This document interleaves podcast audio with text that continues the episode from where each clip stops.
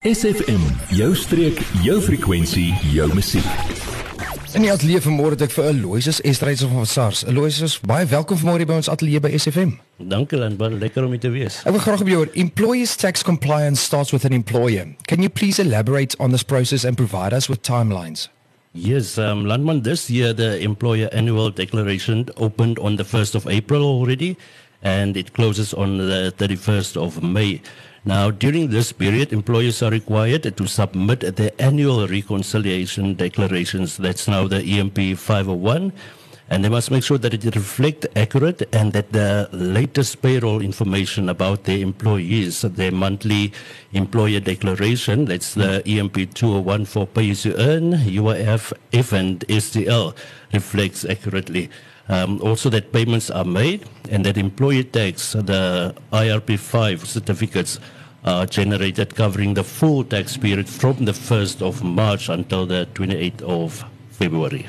SARS promises to assist employers to comply and to make it easy and convenient to reconcile. What information would you like to share with regards to this promise?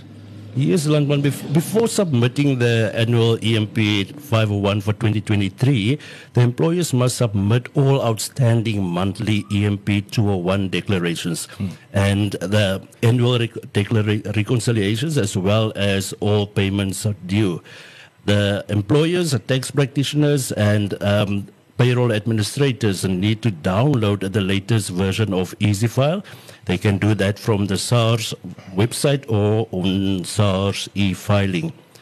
Um, first-time job seekers, so they can register for income tax via the e-filing or the SARS mobile website. Is accuracy and on-time filing critical for the employers? Yes, it is. The employer reconciliation process is an important first step in the wider income tax reconciliation process, and that enables SARS to issue individuals with an auto assessment or even a pre populated income tax return. Therefore, incomplete or inaccurate information will make it difficult for your employees to submit their tax returns and meet their obligations. It is also important for employers to issue an IRP 5 or an IT3 certificate to employees on time as and they will be able to submit their tax return during the coming tax period if required. Word deel van ons Facebookblad vandag nog facebook.com vorentoe skuinstreepie sfm streek. En ons steeds vir Aloysius Estreys in die ateljee van SARS. Aloysius sê vir my, what is the consequence of non-compliance? Well, it's a, there's a very good question, Landman.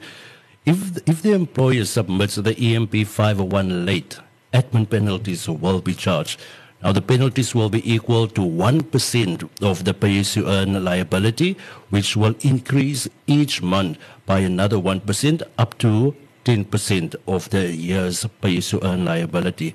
Furthermore, an employer who willing, willfully and negligently fails to submit an EMP 201 or an EMP 501 returns to SARS is guilty of an offense and is liable upon conviction to a fine or imprisonment for a period of up to two years. I would also like to find out what constitutes a crime criminal offense.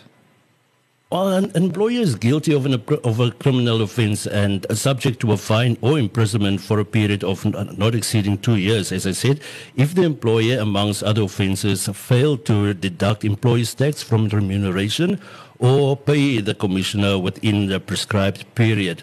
Also, if the employer fails to issue an IRP5 or IT3A to employees or even former employees within the prescribed period, if the employer uses employees tax deducted or withheld for purposes other than paying such amount to the commissioner. And lastly, what also constitutes a criminal offense is when an, an employer fails to apply for registration as an employer. Aloysius, please tell me what submission channels are available to employers? Well, employers with less than 50 employees can either use SARS e-filing or SARS EasyFile. If the employers have 50 or less IRP5 certificates that they need to issue, a tax certificate a tax certificate can be generated from the payroll system and this can be imported into e-filing. Employers that have more than 50 employees, they must register on EasyFile and submit it via EasyFile. Any amendments to IRP5s or even cancellation of IRP5s or capturing of certificates can be done on, easy, on e-filing if the total number of certificates does not exceed 50. Jy, ja jy. Nou dat ons jou aandag het, vertel jou vriende van SFM en ondersteun plaaslik. SFM maak elke dag 'n goed gevoel dag. SFM. Aloysius, are there any updates or enhancements the employer must be aware of?